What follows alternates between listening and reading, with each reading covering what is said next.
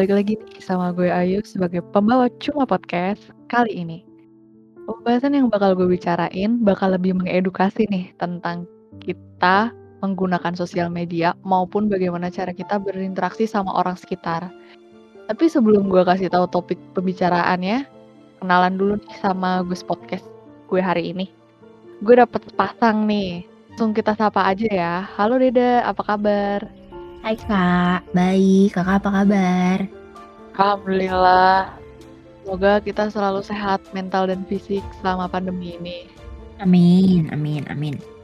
Ya udah kita lanjut ke Ghost Podcast satunya ya. Namanya Nabil nih. Halo Bil, apa kabar? Baik, alhamdulillah. Oke deh, kita langsung ke topik aja. Jadi topik kita hari ini adalah tentang bullying. Bullying itu apa sih? Bullying itu merupakan segala bentuk penindasan atau kekerasan yang dilakukan dengan sengaja oleh satu orang atau sekelompok orang yang lebih kuat atau berkuasa terhadap orang lain dengan tujuan untuk menyakiti dan dilakukan secara terus-menerus. Biasanya pelaku bullying itu uh, pengen diakui atau kadang mereka mungkin ada masalah tersendiri ketika mereka melakukan bullying atau mungkin dulu dia korban bullying kan kita nggak tahu nih.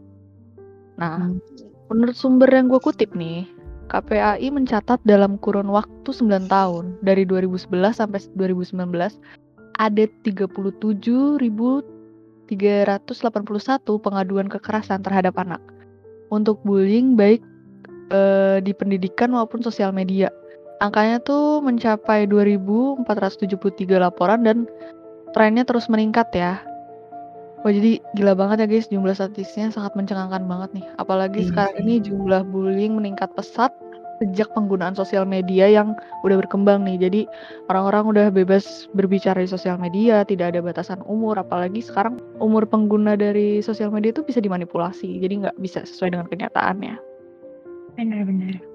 By the way, gue podcast gue saat ini juga pernah menjadi korban bullying nih guys. Makanya gue bakal nanya sama mereka nih, boleh cerita nggak sih ketika di umur berapa dan bagaimana kalian ngalamin bullying? Hmm, siapa duluan nih? Bebas, siapa dulu? Mau Nabil? Aku first lah. Ya, Deda. Oke. Okay. Silahkan, Ded. Hmm, sebenarnya nggak tahu sih ya ini tuh bullying banget atau enggak, tapi menurut gue bullying karena waktu itu masih kecil banget, masih SD dan sepele sih sebenarnya, sepele banget lewat itu SD antara kelas berapa ya? Mungkin kelas 3, kelas 4 gitu. Jadi ceritain aja nih. Cerita aja, apa-apa. Oke. Jadi waktu itu kan biasalah masih kecil, masih suka geng-gengan gitu kan gaya. Uh, berapa orang ya mungkin kita tuh ber bertiga lah, bertiga berempat gitu. Terus uh, pertama kali nih, pertama kali ngerasain yang namanya dimusuhin tanpa alasan yang jelas, nggak tahu kenapa. Uh, jadi itu ceritanya kan uh, kita mainin bertiga, aku dan dua temanku. Namanya yang satu itu namanya eh sebut aja Sevira. Okay. Yang satu lagi namanya Reza. Cewek semua ya? ceritanya, cewek-cewek, cewek semua. Lanjut. Terus uh, kita kan main nih bertiga emang kayak deket banget gitulah. Nah terus one day nih ceritanya aku potong rambut, ya kan. Nah uh, dulu tuh lagi kita tuh kan lagi suka Dora gitu kan. Dora nggak tuh? Terus ini kayak untuk kalau nggak salah lu pasti satu hari kemudian atau dua hari kemudian itu si Sevira ini potong rambut juga dengan gaya rambut yang sama. Terus, ya namanya kan anak-anak ya, kayak, "Ih lucu banget rambut kita samaan," gitu-gitu. Terus apa yang terjadi? Dimusuhin, dibilang kalau aku ngikut-ngikutin dia, padahal jelas-jelas yang duluan potong rambut aku. Terus yang lainnya tuh yang udah ngikutin aja kayak, nyantang ngeledekin, mungkin ngeledekinnya sih nggak separah itu, cuman abis itu bener-bener literally musuhin ada kali mungkin uh, lima hari atau berapa hari mungkin seminggu gitu kali. Didiemin aja gitu kayak jadi nggak punya temen. Literally mereka ngejauhin ngediemin. Terus kayak ketawa-tawa ngecibir gitulah. Itu masa apa ya? Itu nggak jelas sih sebenarnya dan itu nggak cuman sekali. Emang abis itu baikan lagi kayak nggak terjadi apa-apa. Dan itu terjadi, eee, sampai kelas berapa ya? Kan sampai sampai kelas 6 SD kayak gitu, dengan teman-teman yang sama. Emang sih ada teman-teman yang lain, yang lain juga ada yang biasa aja, cuman kan mungkin dalam apa ya, dalam kayak kelompok kita yang biasa deket gitu dan itu sering terjadi tanpa alasan-alasan yang nggak jelas kayak gitu loh, yang kayak receh banget lah. Belum lagi kayak misalnya, mmm, apa ya, cuman masalah, eee, deket sama orang lain, even masalah ya ampun anak kecil, cuman masalah cowok doang ceritanya namanya masih bocah gitu, ya ada cowok yang kita sukain pertama kali rasanya gimana, itu juga dimusuhin. Oh my god. Sesepele itu sesepele itu. Sampai apa ya, sedih sih sebenarnya. Ya sedih sih sebenarnya. Bahkan sampai jujur ya, sampai, mmm udah lulus, masih banyak omongan-omongan yang nyebelin gitu loh, sampai akhirnya sampai detik ini, kalau misalnya diajak ketemu, jujur banget nggak kepengen, nggak pengen even sama pokoknya sama siapa pun, aku lebih baik kayak ngehindar gitu loh, karena apa ya, sakit hati aja gitu loh. Karena itu efeknya ke mana-mana, kayak mereka yang kayak gitu, akhirnya orang-orang lain juga gitu, kayak pernah masa sampai diomongin gini, "Ih Deda bajunya nggak pernah ganti-ganti. Ih Deda, eee, gini. Ih Deda gitu.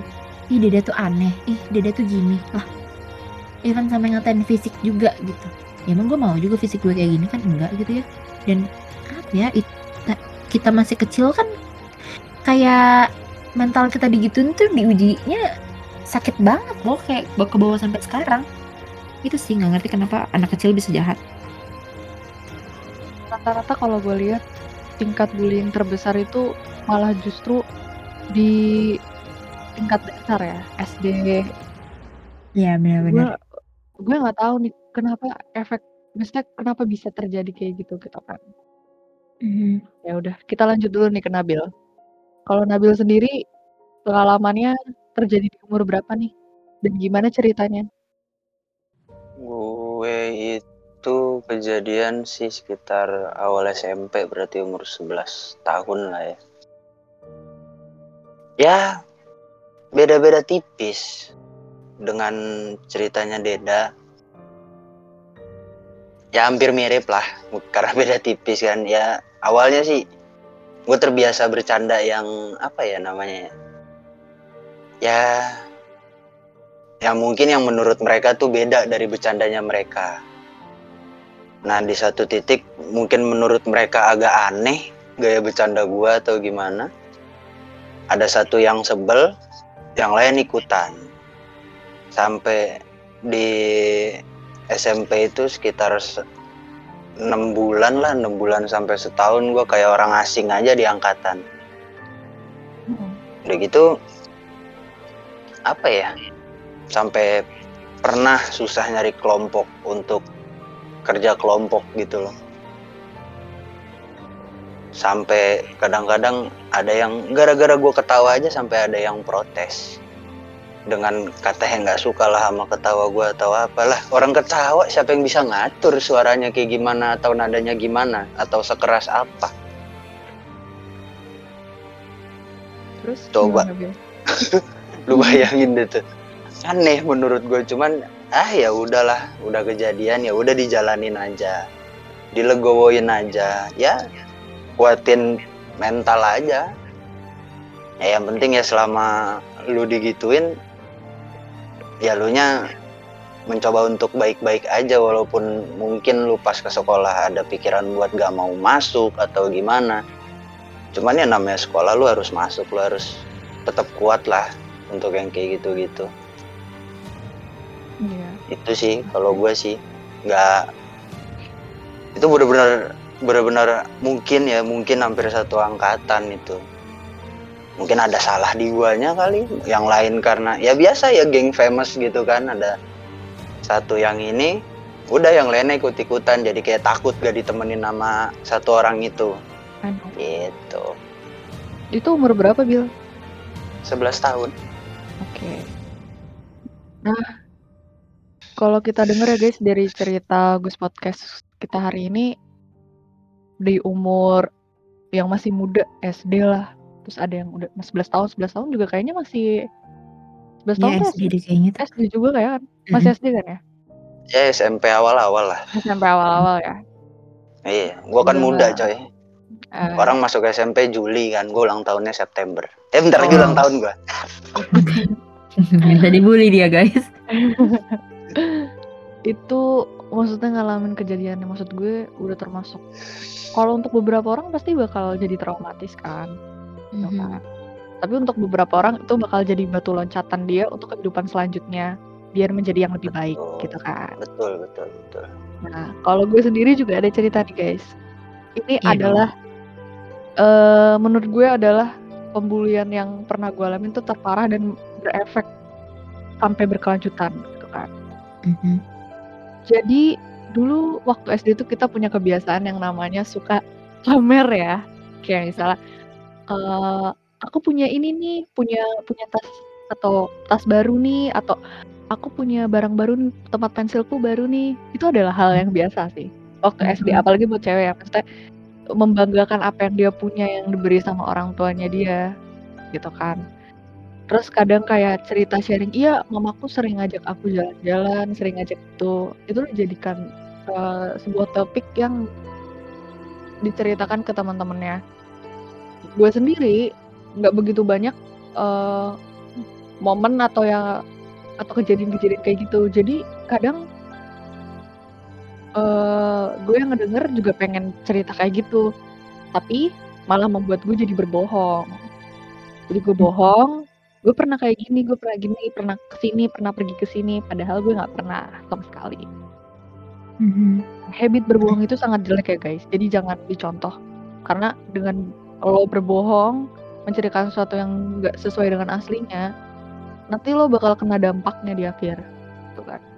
Mhm.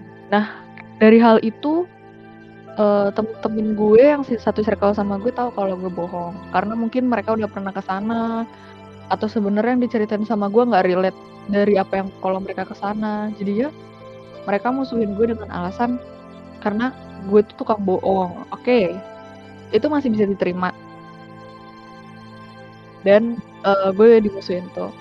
Dimusuhinnya tuh waktu itu kayak misalnya gue sebulan sebelum bulan puasa berarti totalnya gue sebulan di, dimusuhin. Jadi pas bulan puasa kita minta maaf. Jadi walaupun musuh-musuhan tapi ketika bulan puasa tuh pasti selalu maaf-maafan, selalu berdamai gitu kan. Mhm. Itu gue ngalamin di 4 SD. Mhm. Di kelas 5 SD gue pindah di circle yang berbeda. Mhm. Berteman sama eh, adalah beberapa orang, sekitar tiga atau empat. Nah, panggil aja apa ya? Sebutannya gue panggil aja oknum aja kali ya. Oknum gak tuh? Nah, si oknum ini tuh mereka tuh eh, mengatasnamakan kayak ayo kita berteman nih, berteman geng-gengan gitu kan. Itu dulu terkenal, maksudnya sering terjadi lah bermain sama geng masing-masing. Mhm. Gue gue ngerasa awalnya baik-baik aja kan. Kayak berteman biasa, berbagi dan lain-lain. Tapi lama-lama kayak hal-hal kecil kayak misalnya eh apa? bawa bekal dan lain-lain kok lo nggak mau dibagi sih bekalnya apalagi dulu kan gue bekal tuh cuma sosis sama kentang kan yang dan gue tuh nggak dapat jajan sama sekali dulu tuh jajan gue tuh cuma sepuluh ribu apa berapa gitu kecil lah Mhm. Dulu malah sepuluh ribu termasuk gede sih Iya benar-benar benar. ya Gua aja seumuran segitu tuh masih tujuh ribu kalau nggak salah. Naik dua ribu, Iya. naik seribu tiap satu kelas ya, tiap naik iya benar Sama banget sama. SD. Iya. Terus ya udah gue makan bekal terus gue dibilang pelit gak mau ngebagi terus gue ngelawan guys karena gue ngerasa ya emang kenapa ini kan bekal gue masa gue nggak boleh makan sih gitu kan masa Hmm. harus kalian minta terus gue kasih semua terus Mhm. besoknya tiba-tiba gue dipanggil kayak ayo kita ngomong bareng yuk. Oh ya udah ayo. Karena gue nganggep selama maksudnya kemarin-kemarin adalah masalah kecil ya gue ikutin mereka dong. Jalanlah gue sama teman-teman gue ini si oknum-oknum ini nih. Dibawa ke, ke kamar mandi. Mhm. kamar mandinya ditahan. Terus mereka ngitung satu dua tiga jadi mereka masing-masing ada empat atau tiga mereka namparin gue satu-satu Sumpah, iya Wow. itu SD. itu SD kelas 5 SD gue sampai inget banget kejadiannya plek-plekan siapa aja, gue tuh tahu. Jahat banget sumpah. Dan itu berulang sampai tiga kali. Karena gue orangnya tipenya keras kepala kan. Kalau menurut Mhm. gue gue nggak suka ya gue nggak suka gitu kan. Mereka em, bikin gue caranya tetap nurut sama mereka tuh mereka melakukan kekerasan gitu. Mereka namparin gue terus bilang, "Eh, lo sekarang minta maaf sama kita, kita maafin. Dan lo harus ngakuin kalau lo salah. Akhirnya gue nangis, terus gue minta maaf sama mereka, terus mereka baik lagi sama gue. Itu be- berulang itu sampai tiga kali. Yang ketiganya gue udah nggak kuat. Jadi gue mah gue pas temen temen gue mungkin yang satu tuh ada tuh yang kayak dia udah nggak mau lagi ikut-ikutan gitu kan. Jadi kayak dia enggak nggak mau nggak mau gitu kan. Tapi dipaksa suruh nampar gue karena katanya dia salah, dia harus ditampar gitu kan. Terus gue kayak yang akhirnya gue ngedorong mereka terus gue masuk kamar mandi di satu bilik gitu gue masuk terus gue kunci terus gue nelpon nyokap gue kayak gue sambil nangis nangis nah karena mereka ngedenger gue nelpon nyokap gue mereka panik mereka ngebanting handphone gue sama mereka bilang jangan ngadu jangan ngadu gitu kan terus kayak yaudah kita minta maaf kita minta maaf kita nggak gini lagi kita nggak minta maaf akhirnya eh apa ya udah akhirnya datang ke sekolah Iya, nyokap gue datang ke sekolah Hmm. kan. Nyokap gue bilang dia nggak bisa dituntut karena masih di bawah umur. Jadi nyokap gue tapi ninggalin bekas gak di muka lo nampar, dia nggak ninggalin bekas, kayak merah enggak doang. oh Cuma trauma itu pasti ada. trauma Iya sih. ya kalau trauma Iya. pasti Jadi setelah kejadian itu dia tuh nggak berhenti ngebully gue di situ karena dia nggak terima sama gue. Mhm. Akhirnya Mhm. cerita cerita gue dulu gue pernah cerita gue suka sama orang dibocorin sama dia, dikasih tahu di depan. Jadi kalau kalau di depan kelas kita kan kayak ada koridor gitu kan dia teriak di koridor. Iya lu tuh pernah suka sama ini gitu kan. Terus orangnya ada di situ. Terus orang cowok kan. Terus cowoknya bilang gini seriusan dia suka sama gue jijik banget gue gurisikan sama dia. Terus ngomong depan gue kayak gitu. Kayak gue tuh dihina. Sama cowok maksudnya apa sih? Kan kita kebebasan. Kita kan buat suka sama siapa pun kan. Mhm. Betul. Ya yang- free will kehendak bebasnya manusia kan gitu gue suka suka doang. Maksudnya gue nggak memaksa dia buat suka balik sama gue Mhm. hal-hal kayak gitu dibocorin Terus gue akhirnya dimusuhin satu angkatan dengan alasan yang gak jelas. Gue tuh masih belum sampai sekarang tuh gue masih mikir apa ya alasannya tapi gue gak pernah dapet. Karena mereka memang pengen musuhin gue kali ya terus eh naik gue beranjak ke kelas 6 SD di kelas 6 SD jadi gue punya geng terus ada geng yang lebih populer lagi. Mereka selalu bilang jangan ada yang berani temenan sama Ayu. Kalau ada yang berani temenan sama Ayu bakal ngerasain yang sama kayak Ayu. Jadi gue gak punya teman sama sekali satu angkatan dari kelas 5 sampai kelas 6. Terus ketika gue punya jepit baru, terus gue pakai, gue dibeli, diginiin. Sejak kapan lo pakai jepit? Iya soalnya ini jepit dari mama aku, aku baru beliin. Oh, sekarang pakai jepit ya, gitu. Kayak gue tuh apa yang gue lakuin tuh selalu salah. Kayak dibilang pas mau foto bareng buat satu kelas gitu kayak "Eh, udah deh lo nggak usah drama deh foto bareng aja lo mau kayak gini pun kita tetap musuhin lo gitu kan kayak kejadian-kejadian yang eh di iniin sama cowok juga kan dibully sama cowok juga. Jadi kayak gue rasanya gue nggak pernah mau ikut eh nggak mau ikut mata pelajaran olahraga. Gue nggak pernah suka sama kerja kelompok gue selalu menyendiri dan diem. Gue selalu nyimpen itu karena gu- gue nggak pernah cerita sama nyokap gue. Gue takut kalau gue cerita sama nyokap gue masalahnya bakal panjang. Jadi better gue tahan sampai gue lulus. Akhirnya gue Mhm. lulus jadi ya gue udah bisa eh, membuka lembaran baru waktu gue SMP ketika lo dimusuhin atau apa tuh pasti ada apa ya ada penyebabnya ada sebabnya gitu kan jadi ketika lo ada itu provokatornya aja ada biasanya dari sekolah yang lalu Iya, pertama itu Bill ada provokator. Kedua, kemungkinan mungkin ada sikap kita yang mungkin kurang nyaman gitu kan. Jadinya membuat kita tuh di kemudian hari kita lebih introspeksi diri. Ada orang yang bisa nerima, ada orang yang enggak. Benar benar. Makanya Hmm. gue lebih memilih buat pilihan hidup gue lebih baik gue menghindari aja. Gue nggak suka ikut dalam suatu masalah. Sampai hati ya anak kecil ngomong kayak gitu terus ngelakuin apa namanya? physical abusement gitu, Iya. abusive Tapi gitu. iya. Kepikiran Itu- loh. Hmm, Iya. itu itu parah banget sih. Maksudnya apa? Banyak apa kan ya? nonton sinetron kali ya. Kayak gitu. Tapi ya ya mungkin sih. Tapi dulu tuh waktu kejadian kayak gitu ya kak, kan masih temenan nih. Pernah nggak eh misalnya di antara kalian tuh selain kakak ada yang digituin lagi? Apa cuman kakak doang emang?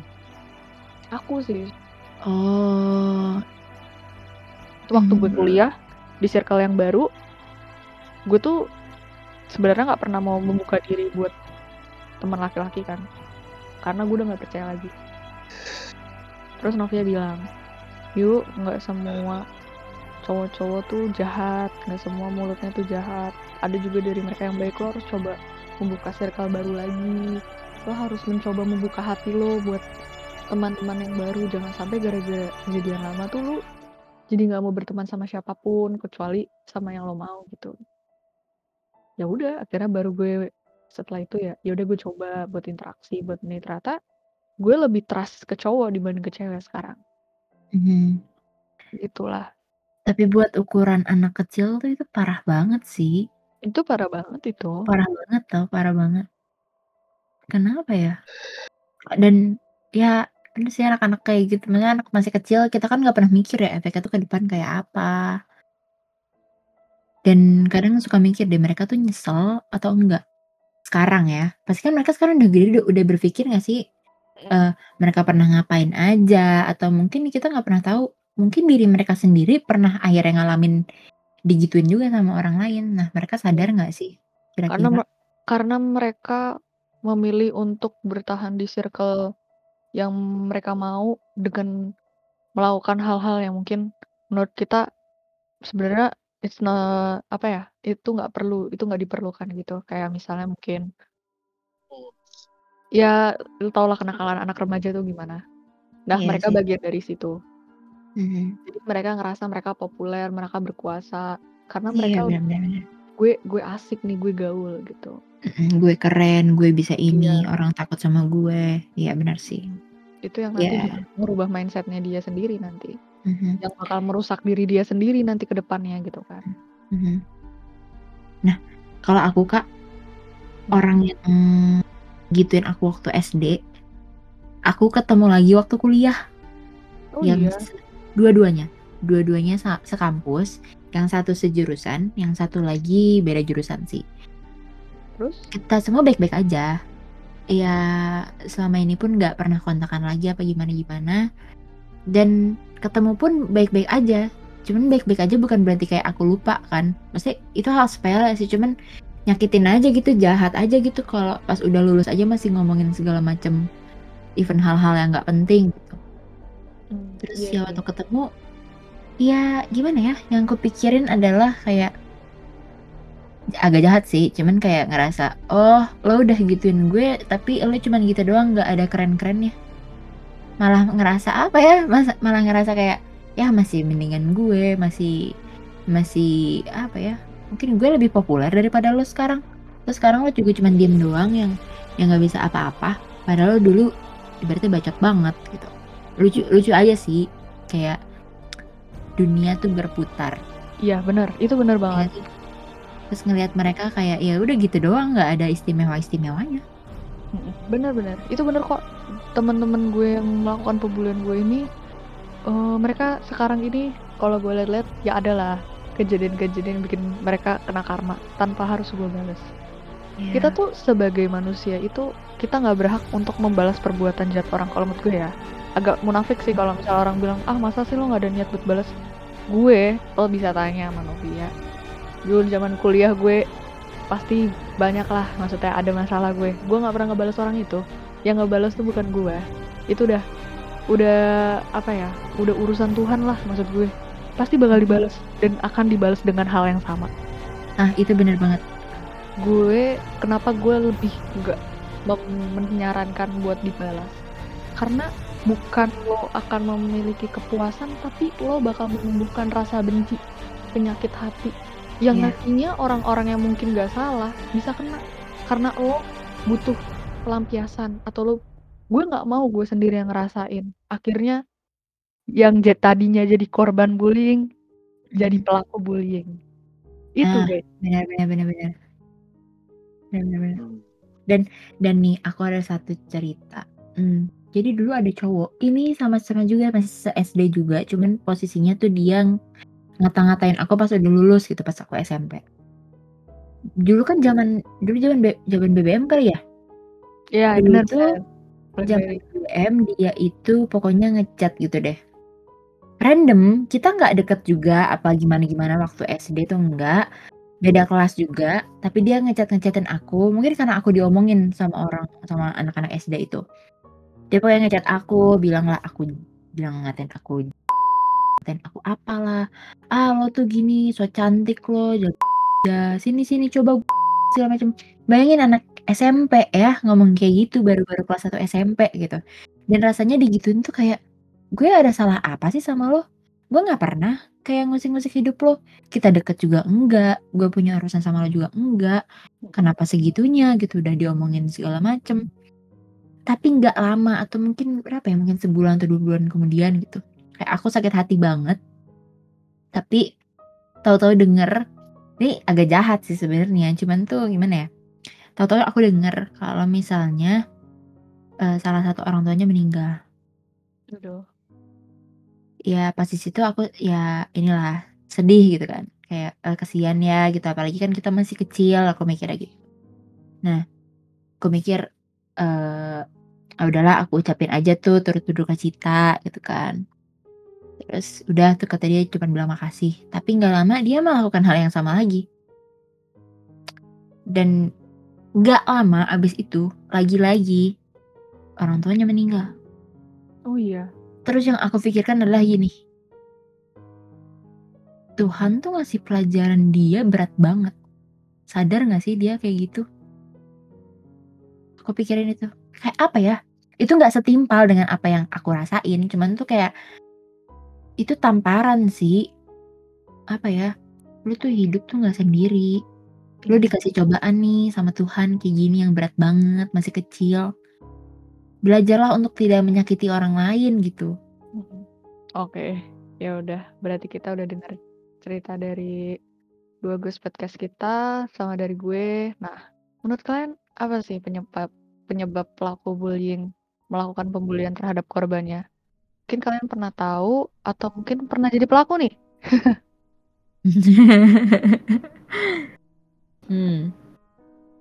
Sebabnya Gimana apa ya? ya? Ngeselin aja kali guanya. Kalau menurut di pandangan mereka aneh. Beda Aneh sendiri. ya? Hmm. Ya mungkin mungkin atau apa ya? Atau atau atau tren. Iya nggak sih? Iya kayak kayak eh, Ikutin misalnya aja gitu. ya ngikutin aja gitu Semut kayak ikutin aja. Heeh. atau kayak ah gue misalnya senior gitu kan. Ah gue ada senior nih. Kan biasanya senior identik dengan eh ngebully junior lah, ngebully apa atau anak-anak populer gitu kan. Ya nggak sih itu jadi tren juga. Itu bener, itu bener banget dulu zaman SMP tuh ada kalau kalian kenal namanya ade-adean. Ah ya ya Ya, benar-benar. itu dijadikan tren buat Iya. ngebully buat anak-anak juniornya. Eh maksudnya bukan anak-anak junior.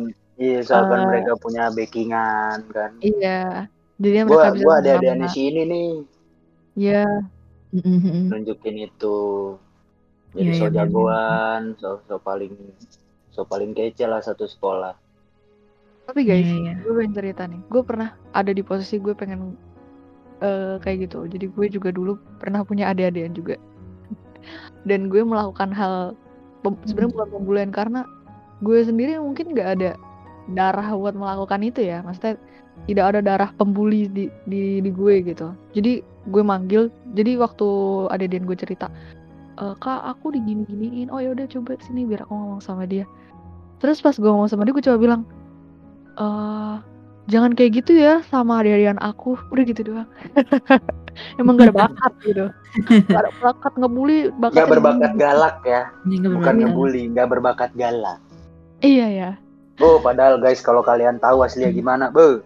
Lain gue mah. Tapi tapi sama sih Kak, aku juga pernah ya mungkin aku mungkin aku nggak ngebully, tapi aku hmm, jadi penonton kali ya. Dan aku diem aja ngeliat orang digituin.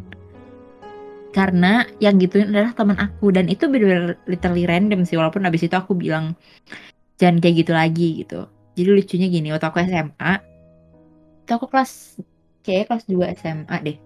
Nah, aku punya salah satu teman, kita kan segeng gitu kan. Aku punya salah satu teman. Nah, dia tuh posisinya lagi marah banget. Emang rada galak sih gitu. Cuman dia lagi marah banget nih.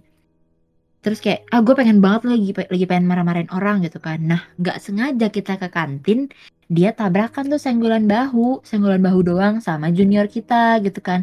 Dan si juniornya tuh kayak, aduh gitu. Nah, teman aku tuh kayak ngerasa, ah anjir cari gara-gara gitu. Terus dia mikir gini, ah pas banget gue mau marah-marah, gue mau samperin ah dia gitu. Terus, e, ayo ikut. Terus aku bilang gini, siapa emangnya? Dan aku tahu anaknya dan aku kenal karena dia junior aku juga waktu SMP. Dan aku tahu anaknya baik gitu kan. Terus aku bilang, ah gue nggak ikutan deh kalau itu lo aja gitu kan dan bener lah dia samperin ke kelas dia gebrak meja wah dia maki-maki ditunjuk-tunjuk udah dikatain apaan nggak tahu deh gitu kan tapi di situ aku mikir kayak kenapa gue biarin aja kenapa nggak gue apa ya eh, larang-larang gitu jangan kayak gitu. Apalagi itu bener-bener literally cuman kayak hal sepele tapi jadi ribut cuman gara-gara dia pengen marah-marah. Gue gue gue paham. Makanya gue tuh nggak pernah gue tuh orangnya sulit banget buat ngebalas orang.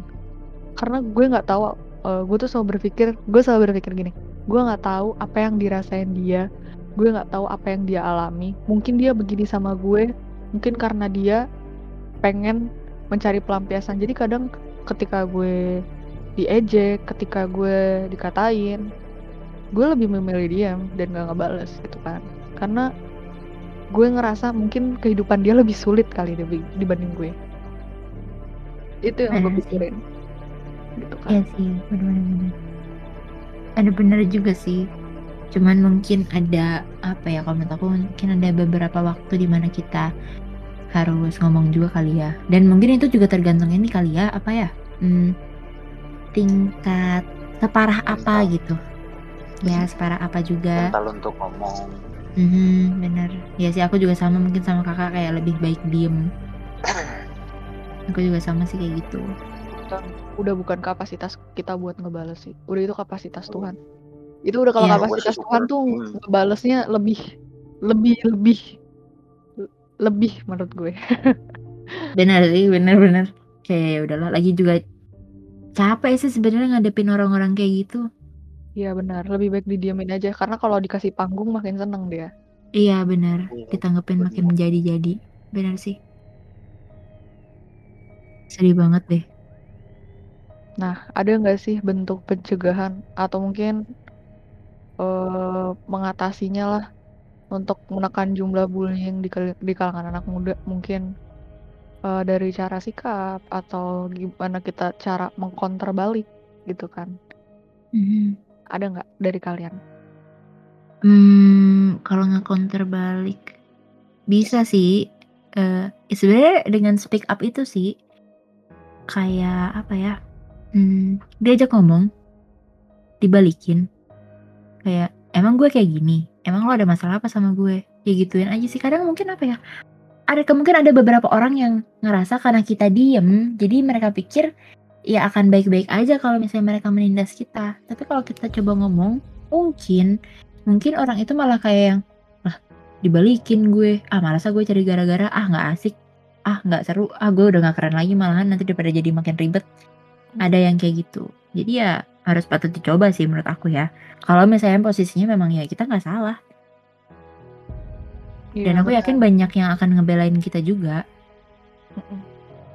Kalau gitu Nabil sih. gimana Bil? Ya, kalau gue sih antara pembuli dan yang ngebully itu fase sih itu. Fase hidup yang mesti ada di set, yang bukan yang mesti ada ya apa namanya ya? Yang, yang pasti yang pasti dilewati pasti mungkin. Ya benar mungkin ada yeah. yang ngalamin. Untuk yang ngebully mah ya lu tinggal tunggu aja. Lu ada perubahan sikap gak ke depannya? Kalau lu nggak ada perubahan sikap ya tinggal tunggu aja apa yang kalian yang kita bahas nih tadi tentang yang balasan dari Tuhan itu pasti ada. Mhm.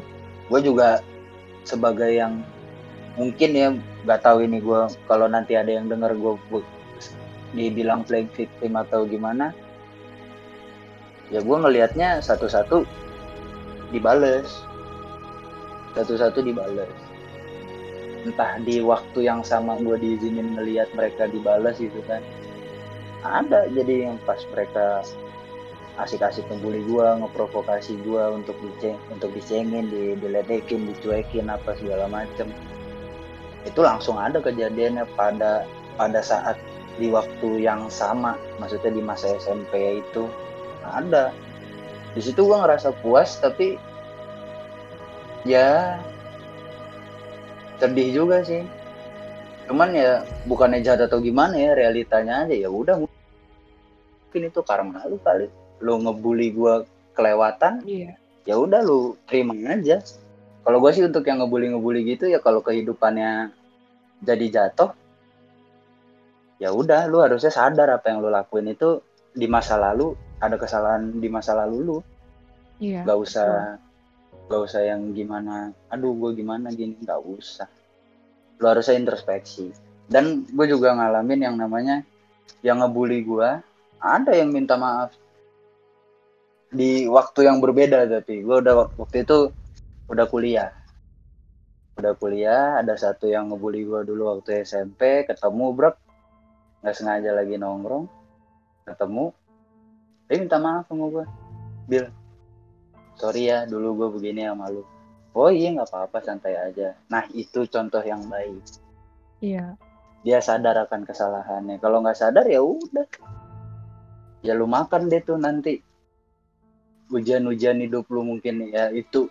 Entah itu jadi relate dengan dosanya dia di masa lalu yang makan orang istilahnya yang ngebully orang atau enggak ya nggak tahu lah. Pokoknya kehidupannya jadi nggak tenang juga Iya. aneh pasti jalan hidupnya Mhm.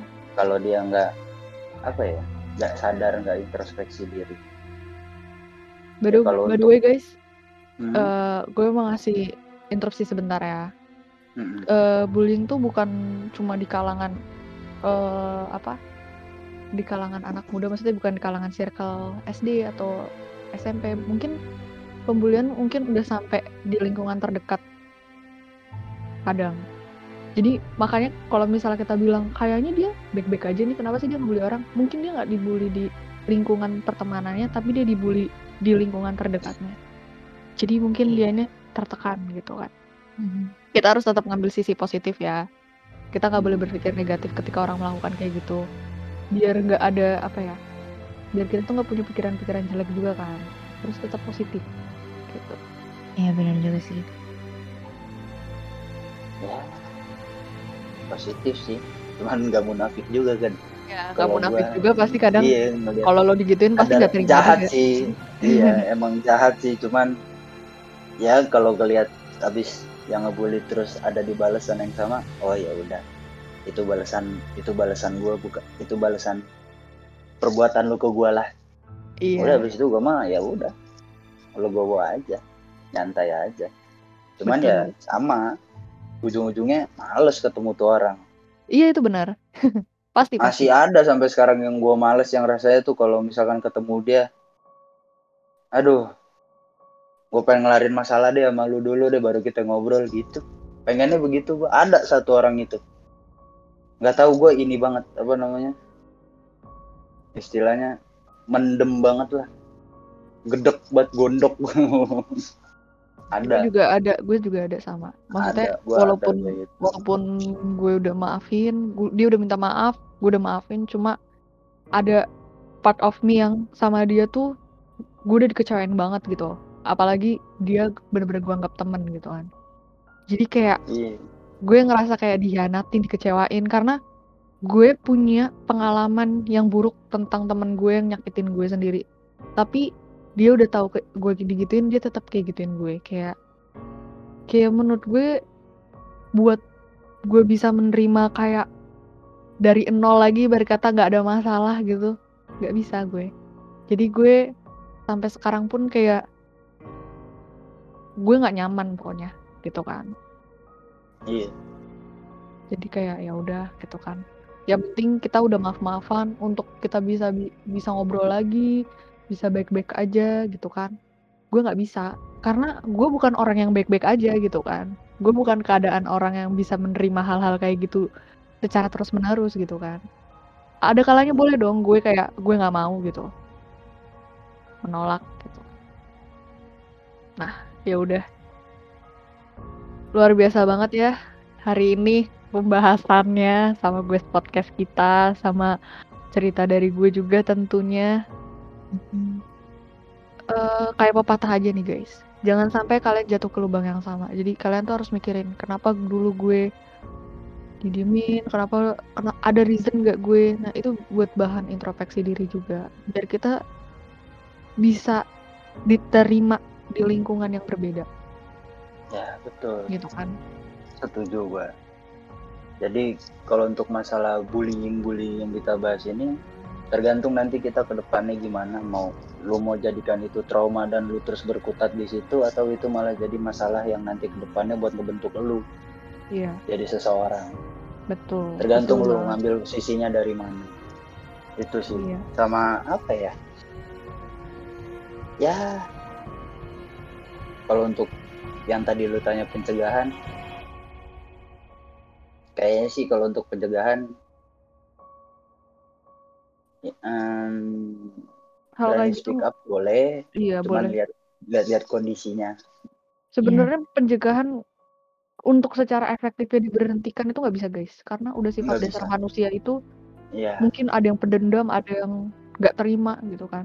Maka Mhm. ketika dia digituin mereka akan lebih parah lagi. Bahkan mungkin Hmm. kalau kita baca makin kasus jadi.